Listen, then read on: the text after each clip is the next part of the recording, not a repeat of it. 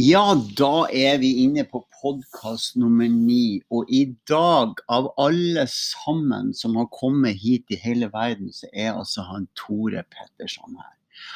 Han skal få lov å presentere seg sjøl, og så skal vi snakke om bevissthet. Men først, Tore, så kan du si litt om hvem du er. Ja, eh, det er jo et stort spørsmål. Men eh, jeg er jo kanskje mest kjent som eh, dommer i Skal vi danse nå om dagen. Og så er det vel um, Sofa som tok karrieren min til et nytt nivå. Ja. Vært komiker i mange her. Egentlig sanger uh, fra tidlig av. Så det er jo vært drømmen hele veien. Og jobbes hardt med nå om dagen da, for å få det samla på beina. Mm. Men hvor kommer du ifra? Jeg er fra Lier. Mm -hmm. Født på, på Drammen sykehus. Bodde mine to første år i Drammen, og så flyttet vi på Tranby. Og der eh, bodde jeg til jeg begynte på videregående. Vi, det er mamma, mamma, pappa og to søstre. Og to søstre. Mm. Ja. Og er du yngst, eller? Jeg er yngst. Jeg er liksom appåklatt. Ok. Ja.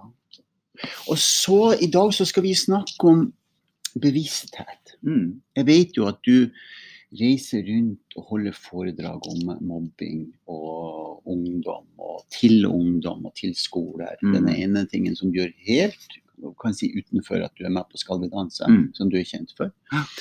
Men, men, hvis vi begynner med bevissthet, hva er det for noen ting for deg, Tore? Jeg har jo alltid hatt en drøm om, eller alltid hatt en tanke om at livet mitt ikke skal være det som skjer mens jeg holder på med noe annet. At jeg skal mm. prøve å være bevisst på å være der jeg er, oppleve det jeg gjør, ikke hele tiden forberede meg til noe annet når jeg er et sted. At jeg klarer mm. å være på det stedet jeg er når jeg er der. Som er en kjempeutfordring, da, spesielt nå som man har uh, mobiltelefoner og man ja. driver og planlegger jobber og ting som kommer ja. opp hele tiden og sånn. Men, uh, men, det er jo litt sånn også at uh, hvis man venner folk til at man ikke er på nett hele tiden, mm. så, så, og det kan ta litt tid å venne folk til. Ja. Um, men at du svarer når du har tid, og når du har mulighet, og når du har tid til å være der. Ja, ikke sant? Og svare på de spørsmålene som skal være der. Så, så um, kjenner jeg jo at det er lett, lettere på en måte etter hvert. da. Men, eh, men, jeg skjønner at det er vanskelig for folk. Men er, jeg tror det er et klokt valg å, å i hvert fall prøve å pensle seg inn på at man Men har du noen rutiner på det, eller noen øvelser du gjør, eller? Nei, øh, jeg mediterer jo litt. Uh, ja, det er spennende. Mm, hvordan gjør du det? Du, jeg, en, jeg, har litt problemer med synet mitt. Okay. Og da fikk, var jeg hos en indisk øyelege. Hun var fantastisk. Oh. Eh, og da sa hun til meg Tore, du skjønner at dette her er stressrelatert. og det var rett etter at jeg trodde jeg fikk et hjerteinfarkt, eh, som var et panikkanfall. Sånn at eh, det, Hun hadde jo selvfølgelig helt rett, og jeg var kjempestressa. Jeg var akkurat fylt 40 år. Ja. Eh, og alt det det innebærer. Men, men si litt mer om panikkanfallet. Hva var det som skjedde? Nei, jeg har vært øh, jeg, jeg, gikk og kjente at jeg hadde et vanvittig press i brystet. Okay. Uh, og det kjente på en måte ut som det lå i noen nerver, eller at det var liksom i tuppene av noe, hvis det går an. Hvis du ser for deg hjertet som en, som en stjerne, på en måte, eller som en mange sånne, så kjentes det som tuppene av dem var, var at det var skjedd et eller annet der. Det var veldig merkelig. Kjente nesten ut som en sånn betennelse. Um, og, og, det var ganske konstant. Og det var liksom, det begynte sånn litt, og så ble det, ble det verre og verre. Um, og det var på min bestevenns bursdag, så han var sånn Åh, ikke gidd å dø på bursdagen min. For det er litt sånn, Vi konkurrerer jo alltid litt og tuller med det. da, At vi skal alltid skal ta attention fra hverandre. at vi vil ha oppmerksomhet. Um, men så gikk jeg hjem, og så begynte jeg liksom å visne i armen. Og jeg kjente at nå, nå må jeg ikke være nå, Jeg reiser jo rundt og holder foredrag om bevissthet, og, og det der med eller eh, det der med at vi må være flinkere til å lytte ut til kroppen. Det der med at ja, ja, ja, menn ikke skal dø av hjerteinfarkt fordi de ikke går til legen. fordi at det er ikke tøft og barskt å være hos legen.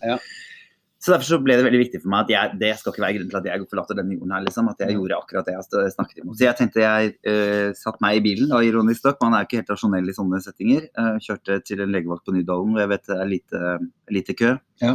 Uh, og han sier hvorfor er ikke du i en ambulanse, du skal jo ikke kjøre hit. Du, jo, du skulle jo bare reist rett på legevakta eller, eller ringt en ambulanse. Så, og da tok han EKG, og så sier han ja, du skjønner jo at det her blir en tur på sykehus. Og da, det ble en sånn kjempe, det var på en måte toppen av min angst, på en måte. For ja. det var jo det jeg fryktet mest. Jeg har aldri vært i ambulanse i hele mitt liv.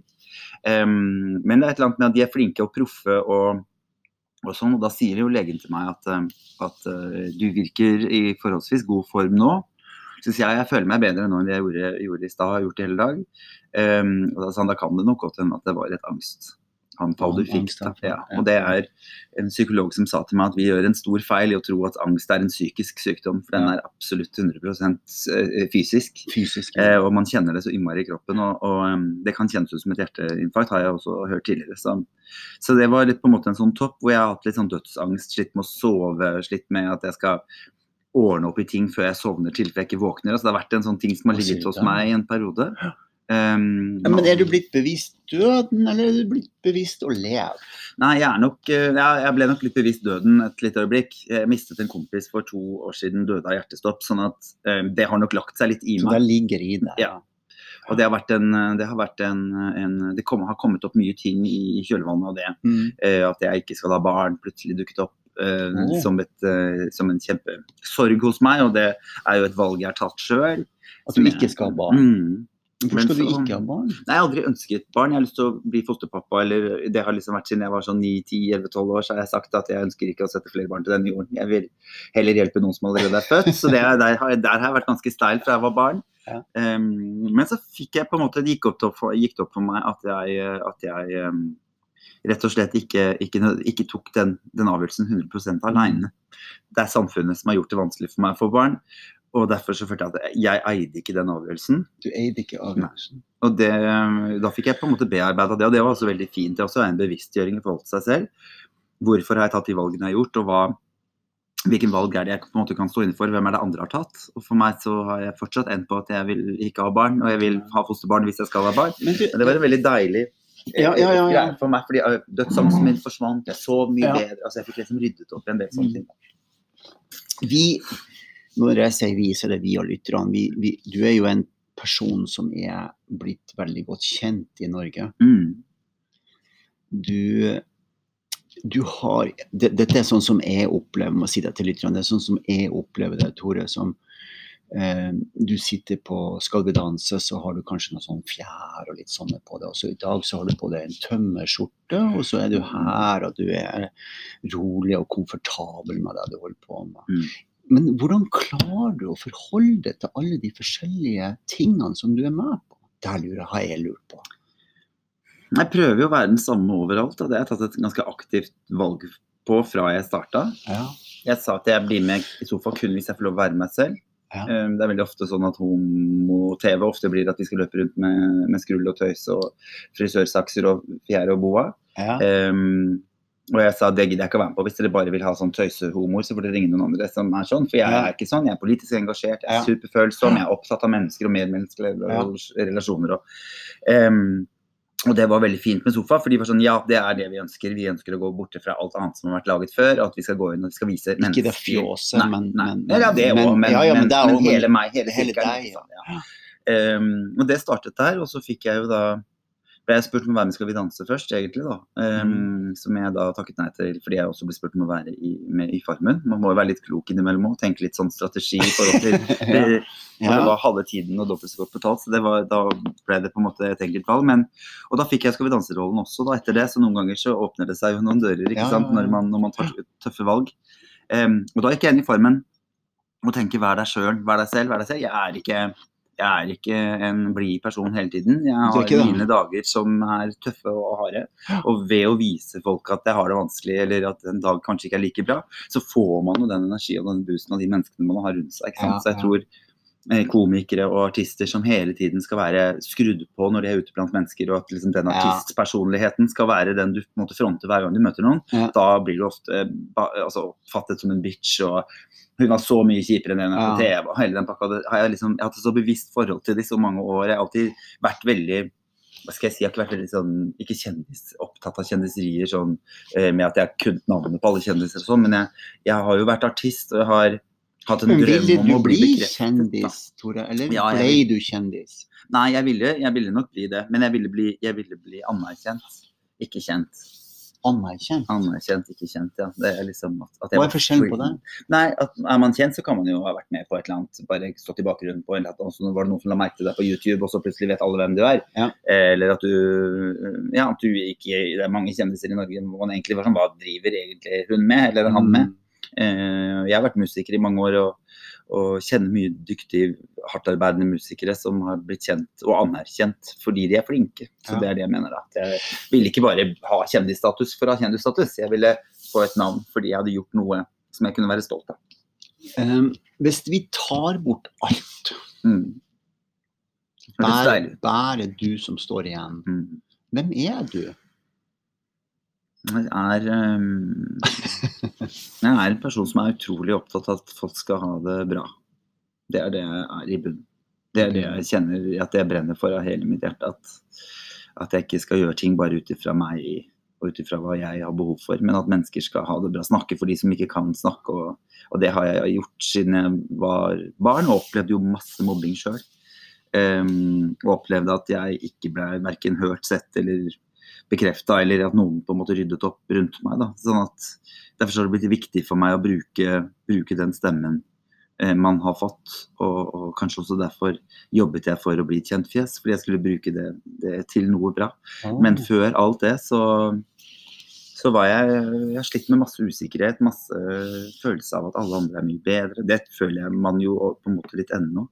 Eh, ikke bedre enn meg nødvendigvis, men, men, at de har en sånn um, en sånn selvtillit som jeg fascineres av. At ja. de kan gå inn og bare ta rommet. Så Stian Blipp-energi, som jeg kaller det. Som bare ikke har de der sperrene. Um, som jeg alltid, hver gang jeg skal inn og gjøre en ny jobb, så tenker jeg at nå må jeg hente fram den energien. Fordi den ligger jo der. Og det handler jo om trygghet. ikke sant? At Stian har fått en, en, trygghet, og folk har bekreftet han, som gjør at han kan slappe av i de settingene han er i. Kanskje litt mye til noen ganger, og for noen folk, men, men en beundringsverdig selvtillit har han jo, eller selvsikkerhet da, i bunn. Og jeg håper jo også han har noe i bunn, at det ikke bare er det som er oppå, at du får ytre bekreftelse, men at, men at, han føler seg trygg i seg òg. Men det var han.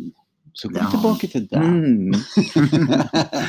Nei, ja, jeg er en, jeg er en, jeg er en brannfakkel, liksom. Jeg er jo en provokatør og en Hva mener du med provokatør? Nei, jeg er ikke noe redd for å si sannheten om ting. Det har jo, jeg har brent meg på det, men jeg har også blitt eh, veldig veldig sterk på det. Og jeg har et behov for å si ting som folk ikke sier. Og det har jeg hatt hele livet mitt. Har du et eksempel på det nå? Nei, hva skal jeg si? Uh, jeg skulle ønske jeg var tøffere på, på lørdag. Uh, og, og, turte å være enda tøffere enn jeg er. Okay. Det var en duell i Skal vi danse på lørdag som, som jeg mener Eh, kan ha noe med hudfarge å gjøre, og ikke med danseferdigheter å gjøre. og Det er sånn jeg skulle ønske jeg var tøffere til å ta opp et For det, er, det er noe jeg brenner for. Eh, men jeg hadde Jeg var i en jobb med, hvor det ble ansatt to kvinner som var forferdelig vanskelig å, å, jobbe med. Og jeg opplevde at mine kollegaer gikk hjem gråtende fra jobb nesten hver dag. Og det kan ikke jeg sitte og se på. Nei. Så da en dag jeg var veldig, veldig full, så satte jeg ned med en mail, og så fikk jeg, fikk jeg, et spørsmål fra en av disse kvinnene jeg ikke likte så godt, uh, om jeg kunne hjelpe dem med noe greier. Og hun hadde jo da prøvd å kvitte seg med meg og skvise meg ut fra alle mine arbeidsoppgaver. Så da sendte jeg en mail hvor det sto å ja, så du oppdaget plutselig at du måtte gjøre litt jobb med det du hadde tatt ifra som arbeid. Liksom. For det visste jo jeg fra før av, det kunne jeg jo fortalt deg. Uh, men du får gå og sleiker ræv på sjefen sånn som du pleier. Det er sikkert, Du får jo den støtta du vil likevel. Du var en merkelig. Så du sier fra? Jeg skrev en melding på det. Jeg hadde drukket, så jeg burde gjort det på en annen måte, men det jeg gjorde var å sende til hele bedriften. Ja, men så bra. Jo, men det som skjedde var at 25 stykker sa opp jobben sin etter dette. Så i kjølvannet av det så ble det jo noe som skjedde. Hva gjør noen... det med deg? Hva føler du når du får gjort sånn? Nei, Jeg var jo utrolig lei meg dagen etter, holdt jeg på å si. Jeg hadde jo helt fullstendig hatt fullangst at jeg trodde jeg skulle dø. Ja. Um, men i ettertid så ser jeg jo at uh, jeg er veldig glad for at jeg gjorde det. At, jeg, at, det var en helt uselfisk ting å gjøre. For jeg hadde det ikke så gærent. Jeg reiste veldig mye og jeg var veldig lite på jobb. Ja, ja. Uh, så det gjorde jeg jo for andre folk. Og det har jeg fått masse takk for. og det, det Jeg skal ikke ta all æren, men det, det satte i gang en, en, bølge hvor folk tenkte at dette her behøver vi jo faktisk ikke å sitte og godta og bli behandlet så dårlig. Så hvis jeg kan liksom få i gang det, starte eh, ja, være, en, være en Greta i forskjellige miljøer ja, ja, og kunne, kunne, tørre å, å røre litt oppi, oppi gryta, det er, det er, hvem jeg er i bunnen. En, Men du rører jo oppi gryta, sånn som jeg forstår det, med at du reiser rundt og holder foredrag. Mm. Hva skjer når du holder foredrag? Hva skjer med publikum? For veldig mange så sier de takk for at du sier det som burde bli sagt. Mm. Um, for, for, meg er det selvfølgeligheter, ikke sant. Uh, alt jeg sier. Jeg, Hva er essensen av det du sier? Nei, Jeg snakker om viktigheten av at hvert menneske skal få lov å skinne der de er gode. At vi skal bruke mennesker som ressurs, ikke som et problem. Hvis du har andre ønsker enn å bli regnskapsfører eller revisor, så skal du fortsatt bli tatt vare på. At du ja. syns matte er vanskelig, så kanskje du er dritgod i noe annet. At vi skal ha et skolesystem som, som dyrker barn og viser de alle mulighetene de kan bli, ikke bare noen få som vi mener er, er bra måter å gå inn på. At vi må tenke mer på de konsekvensene vi tar, ikke bare ut fra oss selv, men også i forhold til barna våre. At dårlige valg du tar nå, kan gå utover barnet ditt når du skal levere det i barnehagen f.eks. om 20 år. Så, så, kommer du inn der, og der står det et menneske du har mobba hele livet. Da. Men er det opplevelser som du har referanser til, eller er det opplevelser som du har sett? Eller, men egne? Ja, det er veldig blanda. Det er veldig, veldig blanda. I utgangspunktet startet det med mine opplevelser. Ja. Det var min historie jeg fortalte. Men så oppdaget jeg jo etter hvert at av mine mobbere, som var en sånn gruppe, en gjeng med mennesker, så er det kun én av de som lever i dag. Oi. Så mitt foredrag ble mer og mer å fortelle deres historie. Eh, for de hadde også en historie. ikke sant? Moren til den ene hadde gått på heroin hele barneskolen og ungdomsskolen mens han gikk der. Det forklarer jo i hvert fall litt av hvorfor han oppførte seg som han gjorde. Ja. Eh, en hadde en far som nesten aldri var hjemme, og når han var hjemme, så drakk han og slo. Eh, så alle disse tingene. Så, så, det har blitt viktigere og viktigere for meg å egentlig fortelle andres historier, Og nå har jeg holdt på med disse foredragene i tre år og fått høre ekstremt mye. Og eh, er jo et veldig sånn tenkende og, og eh, reflekterende menneske. Mm. Så når jeg ser på en måte at oi, nå ligger det eh, en 200 meldinger med den samme tematikken, så tenker jeg her er det noe jeg må si. Ja. Her må jeg ut med ja. noe. Så, og så lager jeg historier rundt det. ikke sant? Hvor jeg kommer med en påstand, og så forklarer jeg det med historien jeg har hørt. Sånn at mm. det ikke bare skal være hentet ut fra lufta eller bare noe jeg mener, eh, på en måte, men at dette er noe som helt klart jeg ser helt tydelig er et problem på flere steder. Mm. Så det har blitt viktig for meg å fortelle folks historie. Og noen gutter som var på sånn arbeidsinstitusjon fordi de hadde gjort noe brekk på noen biler. Og så etter en lang lang, lang samtale, vi satt og prata om masse andre ting. Men så sier han ene på en måte jo, men det var den eneste gangen mamma og pappa kom ned på skolen. var det gjorde noe gærent. Mm. Så bare mm, dette kan jeg bruke til noe. Her er det, til, her er det en tematikk jeg er opptatt av. ikke sant? Hvorfor jeg mener Klarer du å føde et barn, så klarer du å gå på, på klassetimen eller klassemøter, også foreldremøter. Um, og oppdager jo og ser ofte at, at, veldig få foreldre kommer. Jeg var på en skole nå i Bodø. 70 elever ja. foreldre kom av 1000. Ikke sant? Så det er, det er, det er et kjempeproblem. Og da, derfor har jeg lyst til å gripe handa inn og gjøre noe. For barn trenger å bli sett. Vi trenger bekreftelse. Men, men, men, så det er publikum. Men hvordan har du det når du holder på med det du gjør? Hvis vi, hvis vi går tilbake til det her med bevissthet, mm. hvordan har du det når du sitter i, på Skal vi danse, eller du står og holder foredrag? Jeg er nok lykkeligere når jeg holder foredrag enn når jeg er på Skal vi danse. Det? Mm, det er jeg.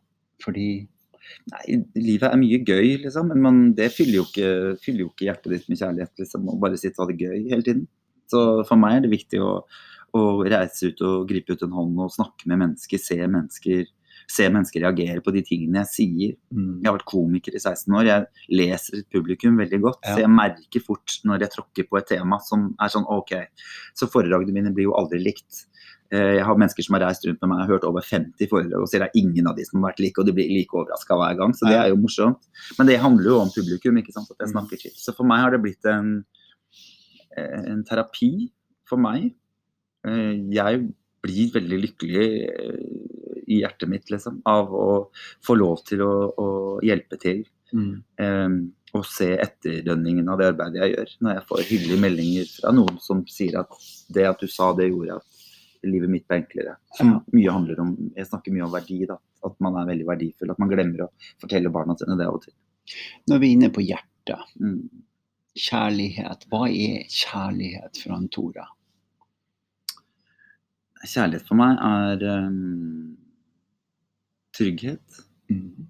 Um, frihet innenfor en ramme, på en måte. Jeg tror frihet er et litt for stort begrep for mennesket å klare å omfavne. Jeg tror vi blir lykkeligere ikke med masse satte regler, men at vi vet hvilket, hvilket rom vi kan få lov å være fri innenfor. Ja. Uh, at her går grensene. Så det er jo kjærlighet for meg. Å ha en kjæreste som, som stoler på meg, ja. men at vi har våre, våre, begrensninger for hva som er lov og ikke lov til. Og da føler jeg at jeg kan slappe av og gjøre hva jeg vil innenfor det. Innenfor det ramma. Mm. mm. Og det handler også om min oppdragelse. Mamma kjefta veldig sjelden, men jeg visste hvor strekene gikk, og ikke over de, så ble det et helvete. Så det ga meg jo en en trygghet. ikke sant? Fordi at mm. Innenfor her var jeg kjempefri. Og hun var ikke noe, den, det tror jeg er veldig viktig at den, den, hvis man kaller det en ramme, da, eh, at den ramma er ganske stor. at du ikke skal på en måte skal ikke stoppe barnet ditt, men det skal, men det skal jo heller gjøre det kreativt og fritt. Da. For får du en oppgave å si mal, mal hva du vil, det er et veldig vanskelig spørsmål. Hva du vil, det er ganske mye. Ja. Hvis du sier et tematikk, så plutselig kommer det løsninger med en gang. Det skaper kreativitet og det skaper ja. løsninger. Og det, det, gjør det også i kjærlighetsforholdet og i livet, tror jeg. Da. Så for meg er det den største kjærligheten. Og det at kjæresten min gidder å se meg. Eh, eller ja, bekreftelse, da. At man, at man blir sett. At, at, noen er vitne til livet ditt og, og syns at du er viktig. Ja at de vet hvordan de skal ta deg imot når du faller, f.eks. For eksempel, fordi at du har falt før, og da var de der. ikke sant? Og så lærer de Nå skulle alle sammen ha sett han, Tore, for nå ser han på meg med sånne nydelige, flotte øyne, og han er veldig glad når han snakker om mm, kjærlighet. Mm. Jeg er veldig glad i det. Syns det er viktig. Det er bra. Ja.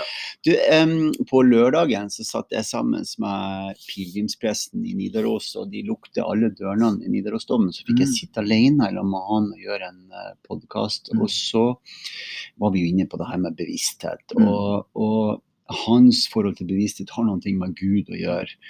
Um, og, og, han kom jo også inn på det her med kjærlighet, som du snakka om, Tore. Og så, og så, har jeg så lyst til å spørre deg om, og det skal jeg gjøre nå det, Dette blir jo et eksistensielt spørsmål. Hva er ditt forhold til eksistensen eller Gud eller Buddha eller hvem det måtte være? Mm. Har du sånne, sånne type forhold? Nei. Det har jeg ikke. Jeg har vært veldig kristen. Du har vært kristen? Var kristen som barn og ungdom. Um, og for meg så ble på en måte frelsen å ikke måtte tro. Oh, ja. At jeg fikk lov til å slippe. Og jeg tenkte jeg må jo ikke tro, tenkte jeg. Jeg må ingenting. Jeg må ikke pålegge meg disse reglene som jeg, som jeg kjenner strider så imot min natur, på en måte. At jeg, jeg syns at det stemmer ikke. Så for meg ble befrielsen å, å ikke ikke tro på Gud. Så det eksistensielle grunnlaget for det å være fri mm. er å ikke nødvendigvis tro på mm. noe sånn. Mm. Ha troen på meg og troen på at jeg Jeg syns jo at uh, vi mennesker alltid snakker oss selv så ned på så mange måter. Og på de store måtene så gjør vi det sånn at kjærlighet er så stort og så vakkert at det kan jo ikke ha noe med meg å gjøre, som er så skitten og liten. Mens jeg prøver å snu det og si heller at jeg eier kjærligheten, for så fantastisk er jeg at jeg har kjærlighet. Så jeg, tar det, jeg vil ta det på meg sjøl, jeg vil ikke dytte det på noen andre. For da, da gjør jeg meg sjøl liten, og det nekter jeg å gjøre. Det har jeg gjort hele mitt liv. Ja. Jeg er stor nok, og det, jeg er stor nok til å, å også Når du sier du har gjort det hele ditt liv, er det sånn at du har hatt en periode i livet som har vært veldig vanskelig? Ja. Det lyser litt igjennom? Mm, flere. Før jeg kom frem som homo, så var, var det en veldig tung periode for meg. Jeg trodde jeg kom til å skuffe alle. At alle Hvilken års aldersgruppe er du i? Nei, Da var jeg vel uh, fram til sånn 19, hvor jeg sto fram. på en måte. Jeg hadde vel et år eller to der hvor jeg var med i en liten sånn homogruppe i Drammen, hvor vi så på homofilmer og drakk kaffe egentlig mest da på en kafé. Okay. Uh, men de lærte meg om homopolitikk. De lærte meg om, for de kunne masse. Jeg kunne ingenting om det. Jeg visste ikke noe. Jeg møtte ikke en homo før jeg var 16 år, ikke som jeg visste var det i hvert fall. Ja. Så for meg var liksom homo veldig sånn nytt. Uh, og det fikk liksom lære å møte og se var veldig, ble veldig viktig, viktig for meg. Ja. Og så har jeg slitt økonomisk, og det har vært uh, utrolig tungt. Det å slite økonomisk sliter veldig, veldig på deg. Og vi har jo et samfunn hvor vi på en måte krever at dette er noe du skal ha kontroll på, dette er noe du skal kunne. Ja. Og så uh, skjønner man ikke nødvendigvis at jo da, jeg er ikke så dårlig økonomi, men idet det toget begynte å rulle, så gikk det så fort mm. at jeg ikke skjønte hvordan jeg skulle stoppe det. Hva tror du var grunnen til det? Nei, det startet jo med Jeg bodde sammen med en venninne som ikke hadde betalt noen ting plutselig, så jeg var nødt til å begynne å betale ut det. Um, okay. Og så flyttet jeg inn i en leilighet hvor, eh, hvor eh, utleier helt klart svindlet alle som hadde bodd der. Så jeg måtte betale oppussing på en leilighet jeg hadde bodd i seks måneder. Så du havna i økonomisk trøbbel? Ja, ja, ja, jeg gjorde det. Og så, eh, når man da lever med lite og får plutselig mye penger mm. mellom hendene, så vil man ha det litt gøy. Men hvis du snur det rundt du, Hvor gammel er du nå? 40 akkurat. Du er akkurat 40. Mm. Hvis du snur det rundt, og så gir du et råd til de som er 20 år, hva sier du til dem da? Er det 16, 16 til 20 år, Silje? Nei, jeg vil si betal skatten din. Det er kanskje det første. For det er bare sånn som det er. Jeg kan være imot alt jeg bare vil, men det er noe jeg ikke kommer meg unna. Så ikke vær så hardbarka raddis at du gjør deg sjøl så vondt som jeg gjorde. For var, det var litt politikk i dette her òg. Um, nei, ta og sørg for at du betaler skatten din, fordi at søvnen er så viktig. Sørg for at du får sovet nok. Eh, og så glem alt det andre. Glem det der jag om at du må eie en leilighet. Glem det jag om at du må ta lappen, eller alle disse månedene. Eh, de er fullstendig uviktige. Og det som har gjort at jeg har klart å komme meg gjennom livet mitt eh, såpass greit som det jeg har gjort på den andre enden, er fordi at jeg dreit i målene det ble ikke noe viktig for meg med at jeg måtte kjøpe leilighet. Det ble ikke noe viktig for meg at jeg måtte få den utdannelsen som, som var lurest å ta. Jeg turte å følge drømmene mine, og jeg har gått på mange mange kjempefæle smeller. Og takk Gud for dem. Hva, hva skjer med det når du går på en smell? Nei, jeg går, jo, jeg går, jo, veldig ned, selvfølgelig. Men jeg mister søvn. Det er vel kanskje det, det første som skjer. Mm, at jeg ligger og bekymrer meg. og og, og, sånn. Og så blir jeg kanskje litt sånn, spesielt hvis det er økonomiske problemer, så blir man litt sånn overshopper, kanskje.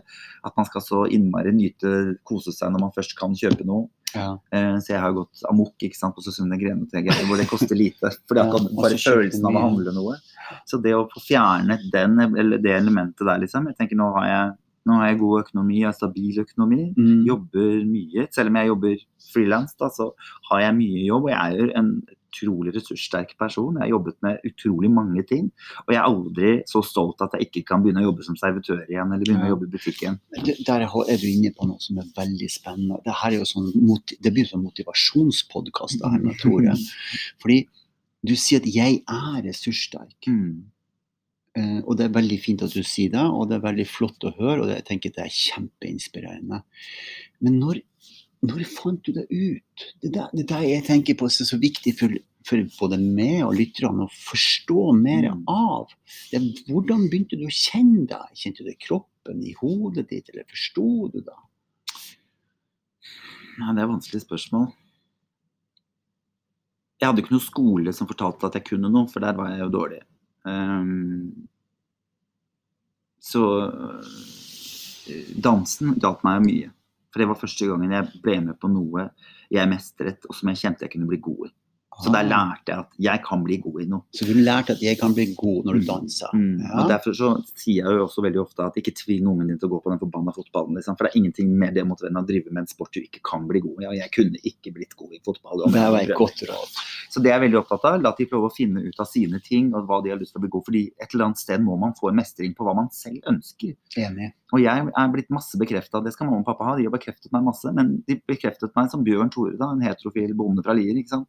Eh, som jeg da ikke var. Så det er jo, det er jo hva du bekrefter barna dine på òg, ikke sant? Ja, ikke sant? Bjørn Tore høres ut som det jeg driver med. Ja, sauedritt. Fotball istedenfor ja, ikke sant, ikke sant, ja. Mm. Sånn at det, det at jeg danset ga meg masse. Og så har jeg jo måttet jobbe for alt i livet mitt. Mamma og pappa har ikke verken sittet i en økonomisk situasjon eller ønsket å betale meg ut av noen ting. Så jeg har kunnet ringe dem hvis det er krise. Ja. Eh, men de har ikke gitt meg leilighet, de har ikke gitt meg lappen, de har ikke gitt meg Og det kjenner jeg på en måte at jeg har måttet jobbe for alt jeg har hatt i livet mitt. Som også har gitt mestring. Sånn at jeg, jeg vet hva mestring er, mm. selv om jeg tar de dårlige valgene. Og det har jo, jeg sier jo det at du måtte snuble mange ganger for å skjønne at du faktisk kan klare å reise deg sjøl. Mm. Um, og jeg har snubla så mange ganger, men jeg har søren meg klart å, å reise meg og komme meg på toppen igjen. Og når jeg sleit på det meste på økonomisk, så hjalp søsteren min meg. Hun er fantastisk og tok liksom alt papirarbeidet, for det er det verste jeg vet. Så hun tok mm. vekk det verste elementet. Så sa hun men denne mila skal du få lov å gå, Tore. Nå skal du lære. ikke sant? Okay. Og det hadde ikke lært noe av dette hvis hun hadde betalt meg ut eller gjort alt for meg. Men jeg fikk lov å, å komme igjennom det også. Jeg jobba fire fire jobber. Jeg jobba som servitør på to steder. Jeg jobbet i butikk og jeg jobbet som caster i TV. Så jeg jobba døgnet rundt. Jeg hadde ikke fri en dag. Og jeg betalte ned alle pengene mine på et halvt år. For jeg sier jeg er ikke lat. Og jeg er, du er ikke, lat. kriminell. og jeg er ikke, jeg bare, ikke sant? Jeg bare, ja, ja. Det, det, har ikke noe med det å gjøre. Så det der med å få lov å kjenne mestring og det der få lov til å tryne skikkelig òg, er så deilig og så fint. Det oppdaget, merker jeg med unge mennesker i dag. Da. De tåler jo ikke motgang. Sant? De tåler mm. ikke kritikk, f.eks. For, eksempel, for mm. man skal jo ta i det med silkehansker. Man skal egentlig bare applaudere dem for alt i hele verden. Gjør, Men jeg sier ikke klapp når ungen din gjør helt vanlige ting. Ikke klapp når ungen din bæsjer, liksom. Fordi det virker jo som om de første gang de har gjort det, hver gang. ikke sant? Så flink du har vært, eller, eller, at de gjør det bra på fotballkamp. Hvis de er gode på det, så må det være noe mer. Mm. For det er jeg tror det problemet ditt starter når barnet ditt tar en doktorgrad og de får den samme applausen som de fikk når de bæsja. Ja. Da har de på en måte ingen glede av noe av det, fordi at de ser ikke mamma og pappa klapper jo bare uansett. Ja. Og da slutter de ikke å studere, og de studerer og studerer og studerer. Og studerer. Og i denne prosessen så er det jo masse følelse av å ikke være god nok og ikke kunne, og da kommer det ofte psykiske press, ikke sant. Ja. Man begynner å slite. Det er jo en, en smal vegg mellom, mellom, intelligent og gæren, holdt jeg på å si. Um, og det der med å aldri være tilfreds, da. Mm. Og jeg tror fordi jeg har gjort ting som jeg har gjort det, så har jeg vært god til å være fornøyd. Hold på den, Tore, for nå går tida og den er sånn den her at den tar en 30 minutter av gangen. Jeg har et veldig spennende spørsmål jeg skal spørre når vi kommer tilbake veldig snart.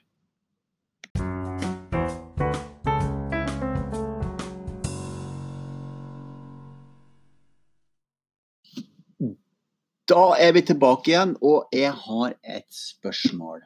Altså, Du er, sier da at du er opptatt av at vi mestrer ting. Mm. Og det der er, er, litt sånn på forskninga mi på her når jeg snakker med forskjellige mennesker, for jeg hører jo dette her ofte, mm. at du må lære deg å mestre noe. Mm. Det jeg lurer på, det er hva slags energi du putter bak deg når du får til noe. Hva gjør du når du får noen ting til? Hva jeg gjør underveis, eller hva jeg gjør etterpå? Hvordan, hvordan får du det til? Um, jeg har liksom lært av mora mi at er, det er bra med alt som er gjort. Så, så, så jeg må bare få gjort det. Jeg hater å øve. Hater å skrive. Jeg hater sånn Mac og PC. Alt, alt blodet mitt bare forsvinner ut av kroppen og ned i føttene. Jeg har ingen energi i det hele tatt. Jeg hater å sitte med Og øve. Og øve ja, men du må jo ha øvd masse når du skal ja. gjøre de tingene du har gjort. Men jeg gjør det. Jeg gjør det. På tross av. Men jeg hater det. Og det er på en måte, Man må bare pushe seg sjøl gjennom innimellom.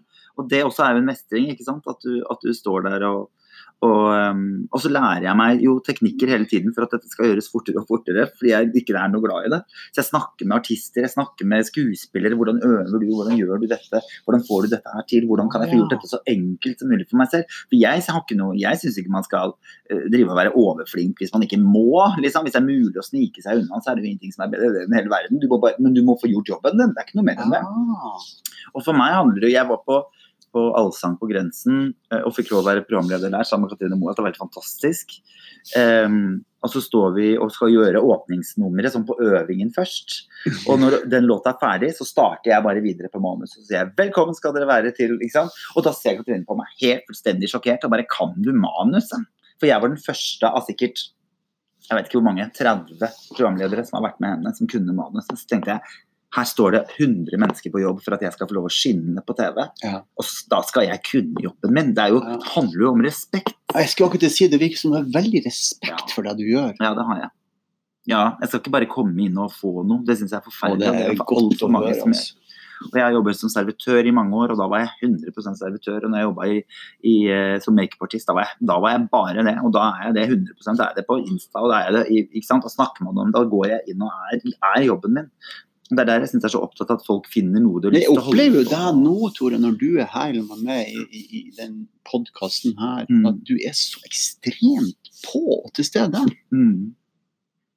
Jeg må jo det. Og i hvert fall når du snakker om favorittemaene mine, så må jeg være på. ja. ja. Fordi dette her er jeg kjempeopptatt av. Ja.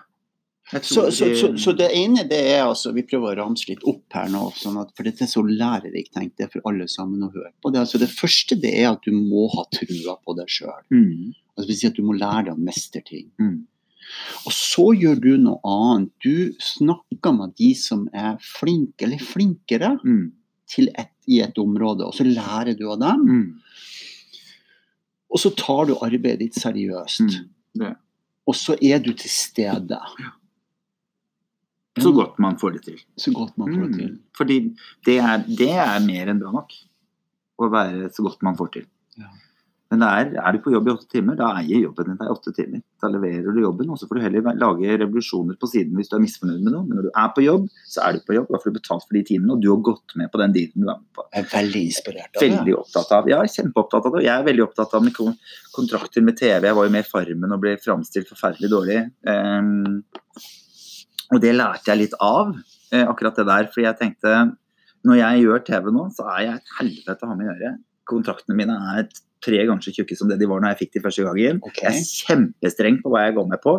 Så tenker jeg jeg kan være så drittsekk jeg bare vil før jeg kommer inn. Men når jeg kommer på jobb, ja. da er jeg bra. Da er jeg hyggelig. Da er jeg på. Da skal vi leve TV sammen. Da skal vi jobbe prosjekt sammen. For da, da er det min skyld hvis ikke jeg tok det før vi gikk i gang. Så hvis det dukker opp noe da, så må jeg bare svelge det. Men vær førsmart, for da kan du kose deg den jobben du gjør. Førsmart? Ja, førsmart, ja. Ikke etterpåklok. Førsmart det er nytt. Nå blir det, det blir, det blir headinga på uh, Tore Petterson. Førsmart. Førsmarte Tore. Mm. Nei, men jeg tenker at det er viktig. og jeg opplever jo stadig når jeg jobber med andre artister eller andre mennesker hvor de kommer på jobb og går bare og sutrer og bare er negative og bare sprer negativ energi, så tenker jeg jeg trenger ikke dette nå, for jeg skal uansett være her i åtte timer. Så hvis jeg skal fylle disse åtte timene med negativitet, da blir jeg, kommet til å bli helt utslitt. Jeg er her, jeg må forholde meg til det jeg har gjort, og så må jeg heller gjøre noe med min egen situasjon hvis jeg er uenig i noe. Men når jeg er på jobb, så er jeg på jobb. Det skal ikke gå utover noen. Er du sånn, er du disiplinert? Ja, ganske. Mer enn folk tror. Men det må nesten være. Det høres sånn ut. Og så er jeg veldig rotete, men ekstremt ryddig. Jeg har, liksom, jeg har så innmari orden på mine ting, på en ja. måte, men jeg syns ikke det er så viktig at hjemmet mitt alltid ser så ryddig ut, for det er sånn tullerydding. Eh, der skal jeg bo, så der er det ingen andre som skal drive og blande seg opp i hva jeg gjør. Men, men jeg syns jo Og jeg er trippelsjekker, da. Det er for jeg veit at jeg er et surrehue, ikke sant. Ja. Så når jeg har jobbet med casting, så kommer jo alle jeg jobber med og bare Pulten min er så ryddig at det er helt, de får helt sjokk, og alle eh, intervjuene ligger etter hverandre i hver sin bunke. De er med, de er kanskje med, de var sånn. Alt er sånn. Men som jeg sier til de, hvis dere flytter på ett ark, så er jeg fucked, liksom. Fordi det er ikke, jeg har ikke noe mer kontroll enn at, at, eh, at, jeg må ha det sånn som jeg har det. Og det er derfor jeg har det. Ja. Jeg tillegger meg jo ting. Man kan trene seg opp i ting òg. Jeg mistet jo mobiler og glemte nøkler og la igjen sekker. Og så tenkte jeg sånt menneske vil jeg ikke være. Jeg vil ikke at mennesker skal se på meg og tenke at han er et, være et rotete menneske. Nei. Så det er rett og slett Det har jeg lært meg sjæl. Det har jeg øvd på. Du, um, vi, vi kommer snart til veis ende. Men jeg skal stille et spørsmål. Mm. Du skal skrive en bok. Hva skal den boka handle om? Eller hvis du skriver en bok, så blir det Hva skal boka handle om? Jeg driver jo og skriver bok, egentlig. Det har jeg gjort en stund. Der er jeg ikke så strukturert, da. Ehm, men, men, tanken var å kalle den for Gaven. For jeg tror at eh, alle de tingene jeg har opplevd i livet mitt har, eh, av motgang og pluss, har vært positivt for meg. Og det at jeg er annerledes og turt og tørre å, å satse på min annerledeshet, har vært den største gaven jeg har hatt. At det har gitt meg mulighet til å møte mennesker jeg aldri ellers ville få møtt. Så jeg ville nok skrevet noe for å prøve å inspirere. Prøve å lette dagene til noen som syns at livet er vanskelig. Det tror jeg ville vært rart om jeg skulle skrive noe annet. Dette er jo en helt fantastisk, historie. Tusen millioner takk for at du kom til meg og var med på denne bevissthetspodden. Og vi får høre så mye fint og inspirerende. Jeg tenker det er kanskje en av de mest inspirerende podkastene jeg har vært hørt og vært med på å lage. Tusen millioner takk. Takk skal du ha.